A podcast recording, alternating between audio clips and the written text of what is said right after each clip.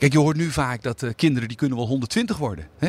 En dan kijk ik naar mijn eigen kinderen en dan denk ik, ja, wat hebben zij er nou aan als ze 120 worden uh, uh, op een onleefbare planeet? Omdat we de aarde aan het frituren zijn.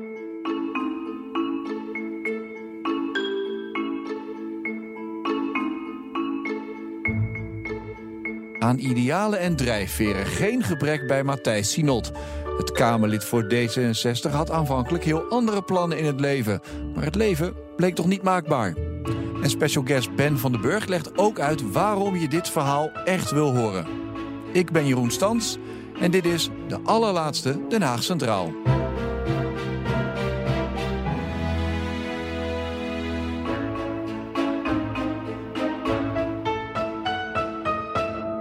Heb je zelf voorkeur waar we, waar we heen moeten gaan eigenlijk? Je had het over koffie, dat klinkt altijd goed. Heb je een vaste plek waar je het haalt? ja, ik ga meestal naar buiten beneden even? koffie halen. Dan gaan we even naar die Statenpassage gewoon. Precies, Statenpassage. Matthijs Sinot, je zit nu uh, hoe lang in de Kamer? Negen maanden. Nou, voor D66? Even kijken, in oktober een jaar. Ja, dus zit je al bijna een jaar hè? Ik zit al bijna een jaar, ja. Het went. Het gaat zo hard joh. Ja? het is al bijna normaal. Het is geweldig. Moet ik zeggen, ik, ik heb het heel erg naar mijn zin. Je zit op de kamer bij, uh, bij de Groot, die ik in deze serie eerder sprak. Tips en trucs meegekregen of niet? Nog even over gehad, van waar moet je op letten? Nou, ik denk dat Tjeerd en ik uh, allebei zijn we heel erg idealistisch. En wat hij me wel leert, of er nog wel scherp op houdt, is ja, blijf bij, bij, je, bij je kern. Ja. Dus blijf vasthouden aan dat wat je heeft, uh, heeft gedreven om de politiek in te gaan. En kijk hoe je dat kunt vertalen in concrete voorstellen, moties, schriftelijke vragen. Gewoon alle politieke activiteiten. Maar blijf altijd dicht bij wie je bent en wat je wil bereiken. Dan hou je de meeste energie. Maar ik denk dat dat klinkt juist als een enorm politiek correct antwoord. Dat je blijft dicht bij jezelf. Maar dat, dat geldt voor iedere baan. Dus wat maakt dat dan dat je als Kamerlid uh, dat dan zo, zo verwoord? Weet je, wat hoop je dan echt te bereiken als je, als je het zo formuleert? Ja, wat ik, uh, ik, ik snap wat je zegt. Het is misschien wat algemeen geformuleerd. Ik denk ook dat het uh, geldt voor elke baan. Ik denk dat veel mensen dat, uh, zich dat, daarmee uit de voeten zouden kunnen. en voor mezelf, kijk, als je een paar stappen terugneemt. Ja. Dan, dan zie je dat de politiek Nederland altijd heeft veranderd. Ja, sinds 1850 uh, toen, uh, toen er voor het eerst wat serieuzere democratie in Nederland kwam. Ja. Uh, in die tijd was Nederland ook een van de rijkste landen ter wereld. Alleen 30% van de mensen leefde in sloppen. we hadden nauwelijks geld om, om te kunnen eten. Laat staan dat er voldoende eten was. Ja. En dagloners waren letterlijk één dag verwijderd van, van armoede. We komen en... nu bij de deur uit. Dus we moeten, achter ons horen we de schoonmaker op zijn karretje. Maar we moeten even deze deur door. Dan heb ik even jouw microfoon nodig. Ja. Want twee losse microfoons met snoeren aan elkaar. Dan kunnen we niet tegelijk door die draai heen. Dus dan zie ik je aan de andere kant van de deur weer. Het is een vast ritueel inmiddels. Kijk, dan hebben we dat ook meteen weer gehad. Maar we waren heel veel eeuw, eeuwen terug. Nou ja, anderhalve eeuw terug. Het ging mij erom, ik probeerde te schetsen hoe we uh, uh, als politiek altijd transities Nederland hebben geleid naar, naar verbeteringen. En nu staan we weer voor zo'n transitie. We zitten in de midden in een omwenteling naar een schone economie. Schone energie, uh, schone reizen. Uh, maar dat moet wel gebeuren. En dat is nu. Dit is ons moment. Ja. Nu gaat deze podcastserie, ik wil even hier even stoppen. Want ik, deze podcastserie gaat over drijfveren. Waarom wil je dit werk zo graag doen? Laat even bij gaan zitten. En toen werd ik op jouw, jouw naam kwam tevoorschijn um, door een collega van mij. ik wil hem even bellen, want hij is voor mij namelijk eh, de reden dat ik hier nu met jou zit. Omdat hij zo'n verhaal over je. En ik heb afgesproken met hem om even te bellen. Dus dat ga ik nu even doen. Ah, dat is hartstikke leuk. Ik heb hem te lang niet gesproken en ik heb wel een vermoeden wie het is. Dag Ben. Ja, Jeroen. Hey, Ben van den Burg. Hey Ben. Hey Matthijs. Hoe is het met je? Ja, goed man. We moeten gauw weer gaan eten. Matthijs. Ja, en jij vertelde, uh, toen ik het had over deze podcastserie, over waarom ik dan Matthijs Sinot zou moeten hebben. Wat dan zijn drijfveer was. Waarom? Ja, nou ja, nou, wij uh, werkten samen in het jaar 2000 bij, uh, bij Vis-a-Vis. Ik ken Matthijs dus al heel lang. En één, anekdote zal, ik nooit, nooit, nooit vergeten. Wij hebben in die tijd, weet je, was dat, bedrijf het opgericht allemaal Accenture jongens allemaal hele zekere jongens van begin 30. Wij waren ook begin 30. En, uh, en toen hadden wij een training en dat was van uh, ben je Master of je Own Destiny. En er waren ongeveer 48 mensen en dan moest je links gaan staan als je Master of je Own Destiny was. En als het lot is, het dan moest hij rechts gaan staan. En iedereen, jonge mensen, allemaal, weet je, je bent, ja, je hebt de, de wereld is maakbaar, Mars of je own destiny. Maar twee mensen, waaronder Matthijs, die gingen dus, nee jongens, het is het lot. En, en wij zaten allemaal, Matthijs, waar ben jij mee bezig, man? Je hebt een, met, je, met, je, je scriptie heb je een internationale prijs gewonnen. De wereld ligt aan je voet. Je bent de meest talentvolle persoon die in ons midden is. Toen zei hij, jongens, twee jaar geleden lag ik in het ziekenhuis. Ik had kanker en ik was ziek. Niets Master of Your Own Destiny. Nou, dus ja, mooi. Wij allemaal, oh Matthijs, dank voor het inzicht. Wat goed, wat goed, wat goed. En ik vertelde Matthijs ongeveer tien jaar later, toen werkte hij bij Microsoft, ook weer de meest talentvolle persoon bij Microsoft ever.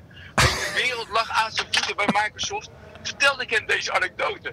Toen zei hij van, dat ben ik helemaal vergeten. Dat wist ik niet. Hij zegt, maar nu ben ik weer veel meer master van ook Disney ben. Wat erg, ik ben gebrainwashed door Microsoft. nou, dus die relativering van Matthijs, weet je, dat je zo naar het, het leven kan kijken. Uniek persoon, daar moet je naar luisteren. En nu over duurzaamheid waar hij mee bezig is. Ja, weet je, hij zit op de kaart. Ik ben diep onder indruk. Dankjewel, eh, Ben. Ja. Jo, we gaan hangen. Hoi. Prachtig, Ben. Maar dit was dus de reden waarom ik dacht, wie is dan Matthijs Sinot? En wat, wat Ben van den Burg, eh, die dus mijn collega is, ook eh, podcast maken natuurlijk, en we kennen hem als columnist op BNR, over jou vertelt. Dat je zei, weet je, het leeft helemaal niet maakbaar. Omdat je kanker hebt overwonnen. Nou, ik, ik vind dat wel heel mooi gegeven. En ook eigenlijk de hele anekdote. Dus ook dat je dat ook weer kunt vergeten. Eh, maar eh, het heeft me wel bepaald. Ik heb mijn vader jong verloren. Ik was 23 toen mijn vader plotseling overleed. En een paar jaar later werd ik inderdaad heel erg ziek. Eh, en dat heeft me wel erop gewezen dat je niet alles in de hand hebt. Uh, en, en jij zegt, je hebt kanker overwonnen. Zelf heb ik eigenlijk het gevoel dat ik niet zozeer zelf dat heb overwonnen. Maar dat het de doktoren waren en de medicijnen die er gelukkig waren. Want uh, 30 jaar eerder, in 19, uh, laten we zeggen, als, in de jaren 80, jaren 70, had ik hetzelfde gehad. Had ik nu niet meer geleefd. Dus dat heeft me wel heel erg bepaald. Die voortdurende realisatie dat je eigenlijk het ook aan anderen te danken hebt. Letterlijk. In dit geval aan de doktoren. en, en dat het ook anders kan gaan. En, en dat, dat is wel een, een drijfveer waarmee ik denk van oké, elke dag die ik heb, moet ik wel proberen om ook het mooiste ervan te maken. Ook, ook voor een mooiere aarde en aan mijn kinderen doorgeven. Ja, we waren trouwens onderweg naar koffie. Ja, dat even doen. ja en, en kijk, want dit, dit, is één uh, ding. Maar ja. kijk, wat me zeker ook zo uh, wel vormt, is. Uh, kijk, je hoort nu vaak dat kinderen die kunnen wel 120 worden. Hè? En dan kijk ik naar mijn eigen kinderen en dan denk ik, ja, wat hebben zij er nou aan als ze 120 worden op een onleefbare planeet? Omdat waar de aarde aan het frituren zijn. Nou, dat geeft mij een ontzettende gevoel van urgentie om nu hier in dit huis waar we nu doorheen lopen, waar uiteindelijk aan hele grote knoppen wordt gedraaid, bij te dragen aan die belangrijke verandering. Ja, en toch zat je eerst in het bedrijfsleven. Je was de baas van msn.nl. Uh, dat klopt. Wie is er niet groot mee geworden, zeg ik dan namens mijn generatie, denk ik? Wat zeg je? Wie is er niet groot mee geworden? Ja, wie, wie, heeft er niet zijn eerste date mee uh, gehad, inderdaad? Ja. ja. ook dat. En je had natuurlijk, uh, de Messenger werd overal voor gebruikt. Dat klopt, het, maar daar zie je dus ook hoe, hoe verandering werkt en ook hoe ontwrichtend dat kan werken voor al bestaande uh, machten. Ik weet dat we toen, blijf ik heel even staan, dat we toen presentaties werden gehouden bijvoorbeeld bij KPN. En toen werd er gezegd, joh, er, er worden nu meer minuten gebeld op Messenger dan via de vaste lijn. En die keken of ze water zagen branden. Dat was een doorbraak, dat geloofde niemand. Van waarom zou je via internet gaan bellen als je gewoon die telefoon kan pakken, die vaste lijn? Exact. Dat heeft er altijd goed gewerkt. Ja, ik, nou, precies. En ik vond dat zo... Dat vond ik zo'n zo'n veelzeggend moment. Dat, dat, dat je aan de ene kant heb je dus uh, uh, mensen die in hun bestaande patroon zitten. En aan de andere kant komen daar uitdagers, vaak vanuit nieuwe technologie. En die komen de boel eigenlijk opschudden. En ja, de eerste reactie is: kan niet, bestaat niet. En dan willen we het niet. En uiteindelijk heb je geen keuze meer. Maar dan trek ik meteen even een, een parallel met de wereld hier. Heel Den Haag drijft op, op hoe het vroeger ging en wat, wat regels en wetten zijn. En uh, weet je, hoe je een debat moet aanvragen bijvoorbeeld al. Hoe alles gaat via vaste patronen hier. Dat klopt. En het eerste uh, uh, wat ik heel belangrijk vind om te doorbreken is dat fossiele denken. Dus, dus de standaard hier is eh, eh, we hebben een manier hoe we onze economie hebben opgebouwd. En die voor een groot deel draait die op olie, op gas en op andere eh, vervuilende brandstoffen. Nou, dat denken, dat wil ik doorbreken. En een van de manieren om dat in dit huis te kunnen doen is door samen te regeren. En in een regeerakkoord hebben we vastgelegd dat we in 2030 er aan streven om alleen nog emissievrije auto's te laten rijden over de weg. Ja. Nou, dat, dat vind ik een heel belangrijk, heel belangrijk doel om Ja. aan te werken. Waarbij heel veel mensen dan zullen zeggen: wacht even, waarom kan ik geen, eh, geen benzineauto meer kopen eh, over een paar jaar?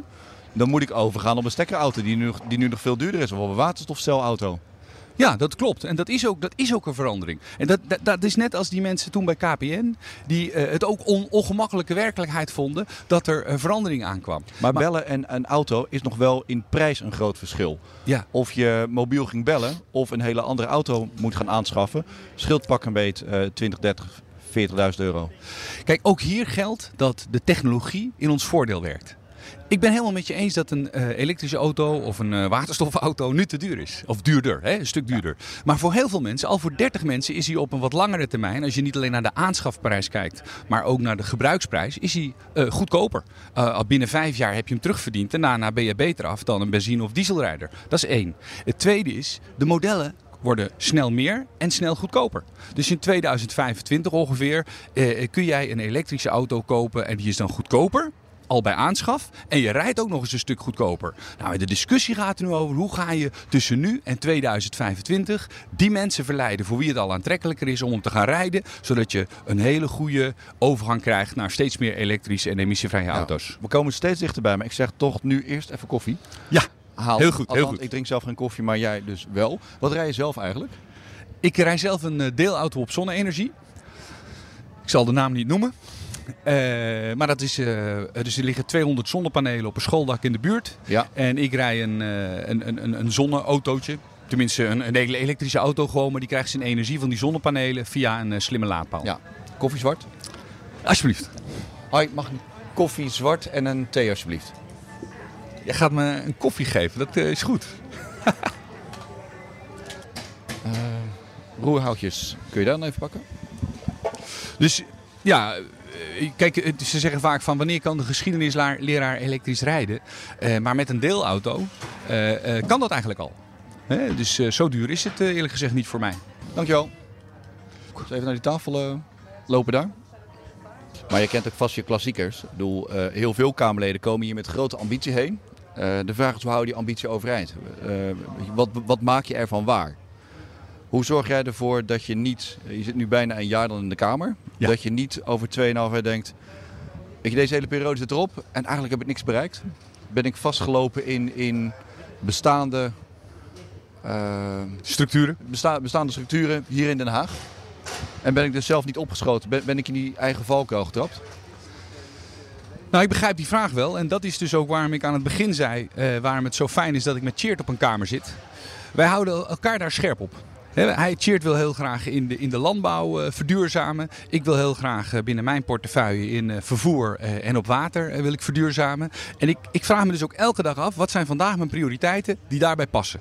En vertaal ik dat in politieke acties. En als je daar dan succes mee hebt, dan, dan geeft dat heel veel energie. Ik zal een paar voorbeelden geven. Sowieso vanuit mijn eigen kameractiviteiten ben ik bijvoorbeeld heel druk geweest de afgelopen tijd met het verduurzamen van de binnenvaart. Kijk, en onze manier is dan, laten we wetenschap, bedrijfsleven en politiek met een ronde tafel eh, eh, bij elkaar zitten en nadenken over wat zijn nou de beste manieren. En daar kwamen drie dingen uit die tot voor kort eigenlijk onbespreekbaar waren. Het eerste was meten aan de pijp, dus dat, dat schepen echt kunnen laten zien hoe duurzaam ze eigenlijk al varen, maar ook hoe smerig eh, op sommige eh, momenten. Het tweede is, het was heel belangrijk dat er een certificaat kwam, dus dat eh, verladers, zoals grote bedrijven die, die, die gebruik maken van dat transport, kunnen laten zien aan hun klanten, kijk eens hoe duurzaam onze logistiek is. En het, het derde was een, een, een soort transitiefonds, een duurzaam fonds. Nou, die drie dingen samen heb ik vervolgens in een motie vervat en in een opdracht aan de minister en daar is ze nu mee aan de slag. Heb ik hier twee vragen bij. Want één, het gaat over verduurzaming scheepvaart. Dat is in Den Haag wat dan heet niet het meest sexy onderwerp. Eh, je komt er niet direct mee in de media. Maakt dat het voor jouw idealen makkelijker of moeilijker? Want je kan zeggen, ik kan juist in stilte hier rustig aan werken. Je hoeft niet direct naar eh, de Tweede Kamer te rennen omdat er ophef over is. Of denk je, dit zijn onderwerpen die je heel moeilijk kunt verkopen en daardoor loop je sneller vast? Nou, ik laat me niet leiden door eh, of een onderwerp heel mediageniek is, alleen. Ik realiseer me wel dat het heel belangrijk is in de politiek om af en toe in de media of mediagenieke onderwerpen te hebben. Maar het moet wel gebeuren. Het bepaalt straks ook uh, of je de volgende keer weer op de lijst komt. Of jouw, part of jouw partij Matthijs Sinot wel genoeg heeft gezien. Tuurlijk, zo werken die dingen. Dat ontken ik ook niet. Uh, uh, maar uh, ik vind ook dat uiteindelijk begint het bij een goed verhaal. En een goed verhaal begint bij resultaten die je hebt geboekt. En ja. nou, een resultaat heb ik net genoemd. En om een meer mediageniek resultaat te noemen. nou, er wordt nu heel veel gesproken over de leasefiets. Dat is, durf ik wel te zeggen, letterlijk doordat ik daarover begonnen ben met Kamervragen. Uh, in reactie waarop uh, de staatssecretaris uh, Menno Snel van Financiën heeft gezegd... ja, wij moeten dat aanpakken. werknemers die nu een fiets van de baas krijgen... die moeten heel veel administratie doen. Die moeten, krijgen bovendien 100% van de economische waarde als bijtelling. En ik heb gezegd, breng dat percentage gewoon naar, naar, naar 4 of, of, of, of een wat ander percentage, maar een acceptabel percentage. Zoals ze dat ook bij elektrische auto's doen. En zorg dat mensen over een heel laag bedrag per maand een hele mooie fiets kunnen rijden. Dan krijg je veel meer mensen op de fiets. Nou, dat is uh, nu veel in het nieuws. Om politiek beter te kunnen begrijpen, helpt het dan dat die twee staatssecretarissen die bij die fiets betrokken zijn, van jouw partij zijn. Uh, die van Infrastructuur en Waterstaat is Tientje van Veldhoven. Die ging toen zij in de Kamer zat over fietsen. Ze had jouw portefeuille. Helpt het dan dat je elkaar dus ook op dat terrein uh, goed kent? Ja, beslist. Kijk, het is natuurlijk zo dat, uh, dat als je de weg weet naar elkaar, dat het wat makkelijker praat. En als je van dezelfde partij bent, dan kom je elkaar ook eens wat vaker tegen. Maar zou dat, uh, zou dat zo moeten zijn? Bedoel, of zou je denken, joh, als zou er iemand van de PvdA zitten, zou het nog steeds, als het een goed plan is, uh, zo geregeld moeten kunnen worden?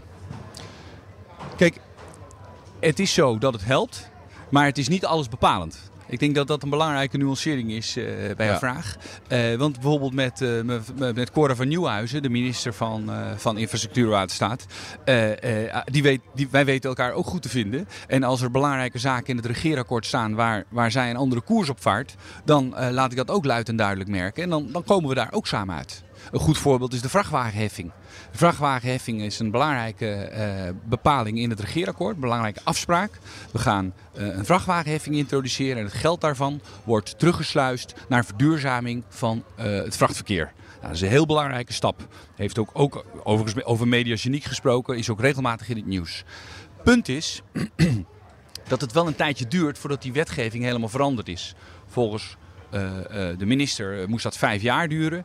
Ja, volgens mij kon het sneller. Daar hebben we vrij pittig debat over gehad. En het is er uiteindelijk op neergekomen. We hebben elkaar gevonden in, in, in de afspraken dat alle onomkeerbare afspraken, dus om ja. daar te komen, deze kabinetsperiode plaatsvinden. En dat Kamer en kabinet hun best gaan doen om het tenminste vier jaar te introduceren. Wij staan hier nu voor de koffiecorner um, in het Tweede Kamergebouw aan een leestafel. Ik loop hier zelf regelmatig heen. Dan, dan drink je in mijn geval even een kopje thee. Het is heerlijk om hier om je heen te kijken. Omdat alles en iedereen hier langskomt. Kamerleden, lobbyisten, woordvoerders, journalisten, maar ook dagjesmensen, bezoekers van de Kamer. Als jij hier staat of gewoon door het hele Kamergebouw heen loopt, waar verwonder of waar verbaas jij jezelf nog het meeste over? Nou, in het begin, de eerste twee maanden, heb ik me er gewoon over verbaasd dat ik hier gewoon nu echt was. Dat ik hier echt liep en dat het mijn werk was. Uh, uh, ik weet ook dat ik als ik over de gangen liep, dat ik begon te fluiten om de weerkaatsing te horen. Hè? Van jongen, het is echt. Het is gewoon echt zo. Want al toen ik een kleine jongen was, wilde ik heel graag uh, de politiek in. En dat is gelukt. Ik, dus... heb, ik heb een Kamerlid gesproken, Albert van der Bos van de VVD. Ja? Die kwam als jonge jongen. Uh, hij is nu in de 60 of eind 50. Dat was lang geleden. Toen kwam hij hier met de trein naartoe om handtekeningen te verzamelen.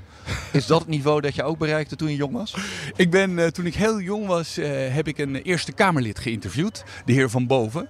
Uh, ook een VVD'er van onderwijs.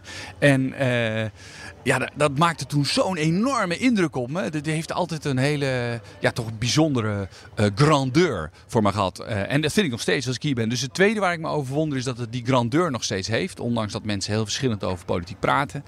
En, want je merkt dat iedereen die hier komt, die heeft toch ontzag. Ontzag voor dit gebouw, ontzag voor deze plek, ontzag voor de Democratische Kamer. Ja, en waar ik me verder over verbaas is. Uh, kijk, je zei al, ik kom uit het bedrijfsleven. En uh, ik ben ook een tijdje zelfstandig ondernemer geweest. En dan, ja, dan, dan is er gewoon je, weet je, je denkt gewoon per maand je targets en je doelen en je wil, je wil resultaten halen. En hier duurt het veel langer voordat je een resultaat hebt. Ik gaf net het voorbeeld van de vrachtwagenheffing. Maar de knop is oneindig veel groter waar je aan draait. Dus het is, het is een kwestie van dezelfde lef, hetzelfde elke dag handelen met urgentie. En ondertussen geduld kunnen opbrengen dat het op langere termijn ook echt wat gaat opleveren en dat ook nog goed verkopen. Lukt dat tot nu toe? Ik vind dat ik daar steeds beter in slaag. Ja.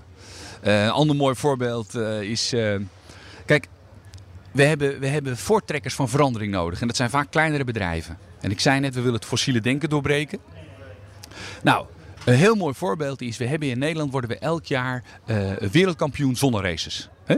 Ja, De, TU, eh, TU Delft. TU Delft is daar meester in. TU Eindhoven is er ook heel goed in. En de TU Eindhoven heeft die techniek nu gebruikt om een consumentenauto te maken. Eh, ik weet niet of ik de naam mag noemen, maar er is nu een Ongetwijfeld. Lightyear. De Lightyear en, en, En als de mensen opeens een hele grote piep hoorden, dan mocht het niet. Maar het was Lightyear. dat is een zonneauto en eh, eh, die geeft de kans om in Nederland de auto-industrie weer terug te brengen. Want wij lopen voorop in een zonneauto waarmee je bijna oneindig op zonne-energie kunt rijden. Dat is heel spectaculair. Punt is alleen, eh, die technologie die wordt gedwarsboomd door investeringsbeperking. Mensen boven de 50.000 auto, eh, de 1000 euro die een auto boven de 5000 euro moeten eh, willen kopen, die moeten daarvoor de volledige bijtelling betalen. Dus niet meer 4%. Dat betekent in dit geval voor de eerste 20 van die wagens, die 110.000 euro kosten, dat die mensen heel veel bijtelling betalen. Dat is een drempel. Daar heb ik van gezegd, waterstofauto's kennen die drempel niet. Haal die ook weg voor zonneauto's. Daar ben ik nu druk mee. Maar even terug naar die grandeur die je net aanstipte. Je zegt hier in het Kamergebouw toch ontzag. En, en mensen kijken misschien wel af en toe tegen, tegen je op. Als je hier het Kamergebouw uitloopt en op werkbezoek gaat. Hoe word jij dan als Kamerlid bekeken? Is er nog steeds dat ontzag dat jij destijds als kleine jongen had voor politici? Geldt dat nog steeds? Of ben je gewoon een van de, van de anderen? Een van de ge- gewone burgers? Nou, om te beginnen probeer ik vooral dat laatste wil ik gewoon zijn en blijven. Want dat ben ik natuurlijk. Ik, Maar, ik- maar je, hebt een apart, je, je, je, je oefent een apart vak uit. Dat klopt. Ik ben een inwoner van Nederland met een, eh, eh, een bijzondere status, maar die is me wel gegeven door de inwoners van Nederland. En, en daarom zeg ik van, daar begint het wel. Dat besef moet je elke dag hebben. En dat, dat probeer ik te hebben.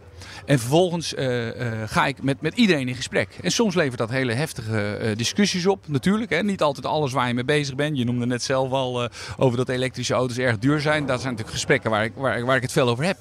Maar ik vind dat juist mooi, want heel vaak zit het daar altijd aan het einde van zo'n gesprek, denk ik, ja, daar kan ik weer wat mee. En dat probeer ik dan hier in de Kamer weer wat mee te doen. Ja, ik stel de vraag ook omdat ik van diezelfde Ben van den Burg ook hoorde dat jij eh, nu wel eens voor zakkenvuller wordt uitgemaakt. Want Kamerlid en die verdienen heel veel.